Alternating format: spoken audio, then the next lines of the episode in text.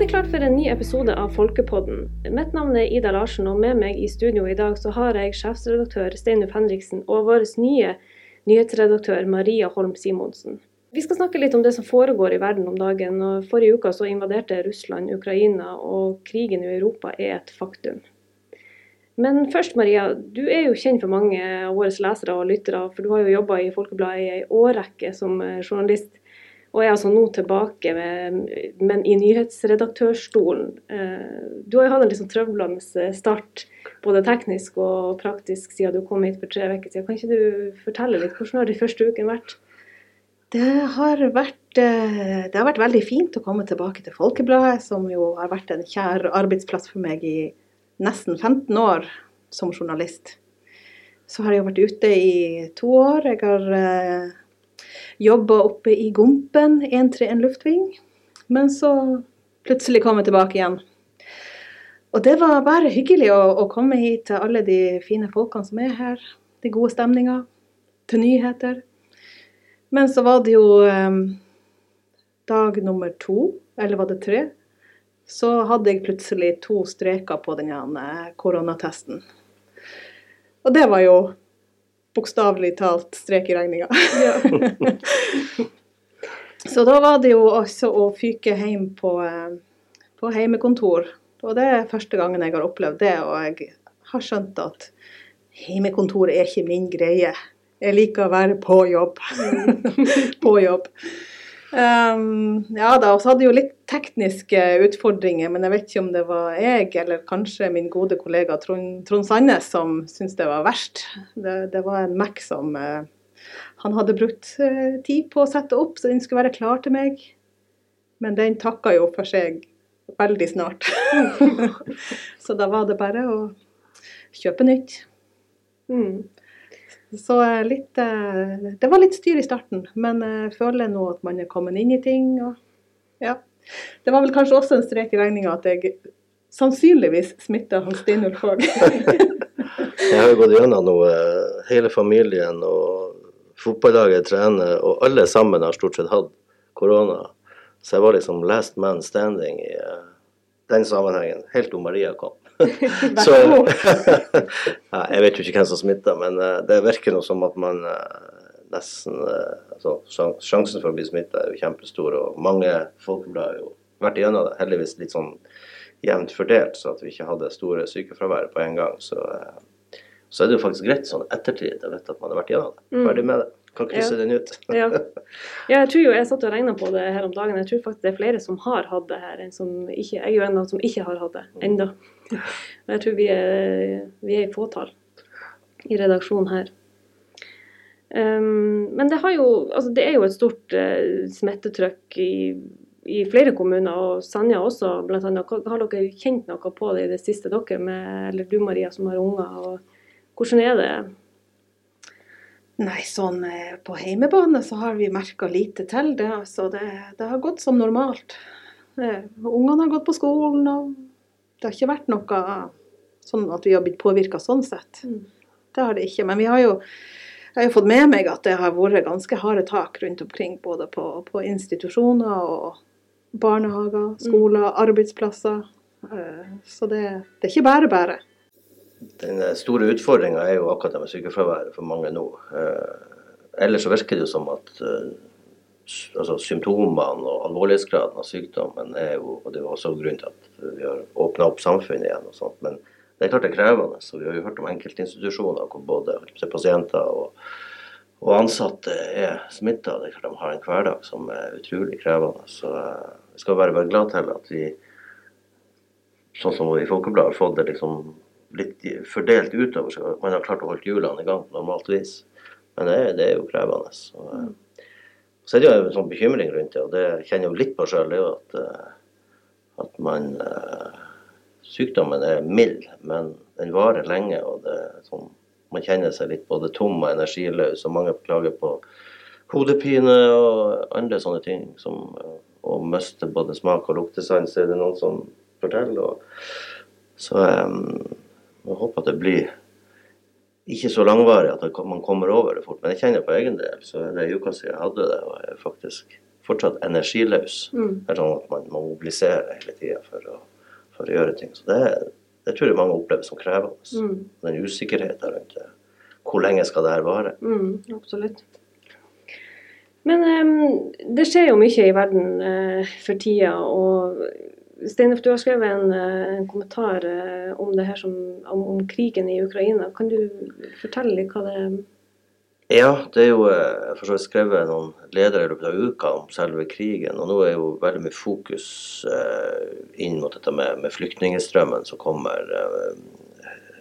Høykommissær for flyktninger har antydet at det kan komme fire-fem millioner flyktninger. Og Det er jo ikke det store trøkket enda i, i Norge. Det er jo noen hundre som har kommet og meldt seg osv. Men det kommer mer, det vet vi jo. Uh, og um, så er det sånn litt godt oppi det hele å se at uh, det norske folk og norske kommuner virker jo veldig sånn åpen og omsorgsfull, og vi skal ta imot dem. Uh, bare så rett før vi gikk inn i studio her nå, at nå 286 norske kommuner spurt om de er villige til å ta imot flyktninger. 286, og 281 har svart ja. De som ikke har svart ja, er usikre, for de har aldri tatt imot flyktninger før. Og vi har jo lang tradisjon i dette området, flere kommuner i, i vår region, til å ta imot eh, flyktninger. Jeg skriver litt om det også, sånn som gamle Lenvik kommune, som jo har en ganske stolt historie egentlig med den til å ha et eh, asylmottak eh, si, midt i byen, Heimly, som på det meste hadde jo 100-150 flyktninger. Og litt eh, vanskelig start, så gjorde de jo en fantastisk jobb etter hvert. Og det asylmottaket ble jo et eksempel på hvordan man midt i en by, i en småby, kunne eh, få det til å funke og få flyktningene integrert i samfunnet. Det ble faktisk trukket frem på landsbasis som et eksempel. Så vi har jo god erfaring, og vi skriver at vi kan gjøre det på nytt. Det, det er Forholdene ligger til rette, å si, infrastrukturen er på plass i Senja kommune. Med, med, vi har jo eh, integrerings... eh, folk som jobber med integrering per i dag. Og, og, så det er artig å se at det er et sånt engasjement. og også på sosiale medier så er det jo nesten helt fraværende med sånn her klassisk flyktninger eh, Ofte sånne meningsytringer rundt dette om å ta imot veldig mange flyktninger. Jeg tror knapt noe har skjedd noen som er nettroll og skepsis, skeptisk og de klassiske tingene. Det, det, nå er det bare Vi må hjelpe dem. mm. Så det syns jeg er artig å konstatere. Mm. Jeg tror jo også for at det, det blir litt nærmere kanskje når det er et land som Ukraina, at man ja, man klarer kanskje å sette seg litt inn i det på en annen måte Mm. kanskje enn en enn man har gjort tidligere.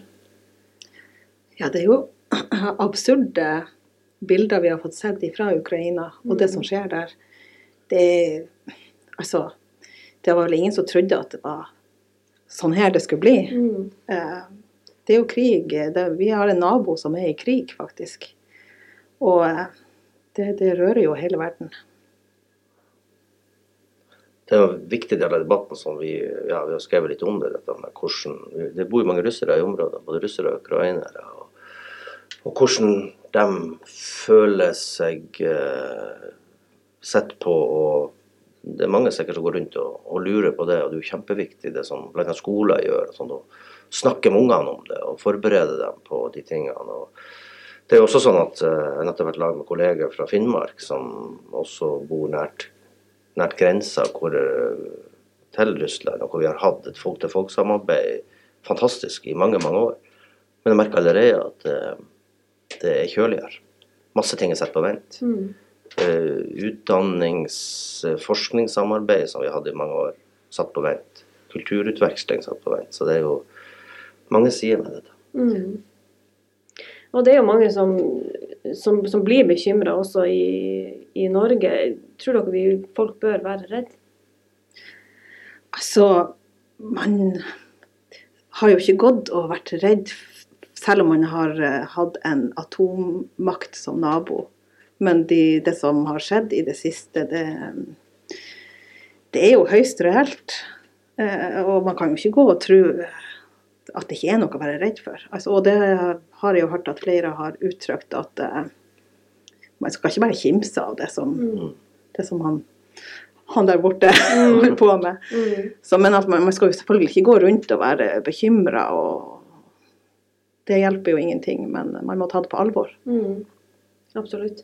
Og jeg hører jo også at det er mange som ja, Jeg skrev en sak om det denne uka, om, om tilfluktsrom. At det er veldig mange som har søkt opp nærmeste tilfluktsrom i det og der de oppholder seg. Og det, det vitner jo om at folk kanskje ja, har tenkt den tanken, i hvert fall. Og det er jo Ja, og hamstra jodtabletter. Både den eh, riktige og den gale typen. ja, ja, jeg hørte det, at det var stor forskjell på de, de der to.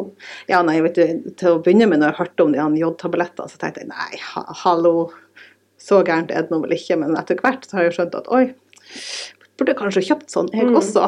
Men Ja. nå er det jo fritt. Mm. Så det Ja. Man eh, har skifta litt tankegang i, i løpet av bare noen få dager, Ja. egentlig. Absolutt, det merker jeg òg at jeg har gjort. Neste uke er det jo vinterferie. Har dere eh, noen planer? Nei, det er egentlig dårlig med planer for min del, men jeg har, eh, har noen, noen skolekids i heimen som er veldig fornøyd med å ha ei uke fri. Mm. Så de har sikkert planlagt både litt gaming og kanskje litt eh, vennebesøk og forskjellig. Så da må vi jo vel tilrettelegge for det siste og ikke for det første, for det blir det nok av. Ja. Gaming, altså. ja. Men eh, hva dere skal gjøre i helga, da? Nei, først bare for å ta vinterferie, så har eh, jeg tror det er ikke veldig mange som har sånn tradisjon for å ta en ei, uke fri og gjøre det. Altså vi, I hvert fall nordpå så er det sånn påsken er jo den, på mange måter den, den vinterferien for mange hvor man tar, tar fri og drar på fjell eller hytte eller hvor, hvor det måtte være. Så de aller fleste jobber vel, og ungene er hjemme. Så eh, da jeg vokste opp, så var vinterferien det var to dager. det, Så nå liksom blir det hele uka. Det, det blir spesielt. Men eh, de får kose seg og håpe at det blir bra vær. Nei, helga for min del, det blir eh, avslapping og eh, fotball på TV, tror jeg. Det er det det handler om. Mm. Stort sett i helgen. Mm. Ta seg inn. Jeg skal gjøre noe spennende i helga som det er lenge siden sist. Jeg skal på konsert. Eh, Dagny-konsert i Tromsø.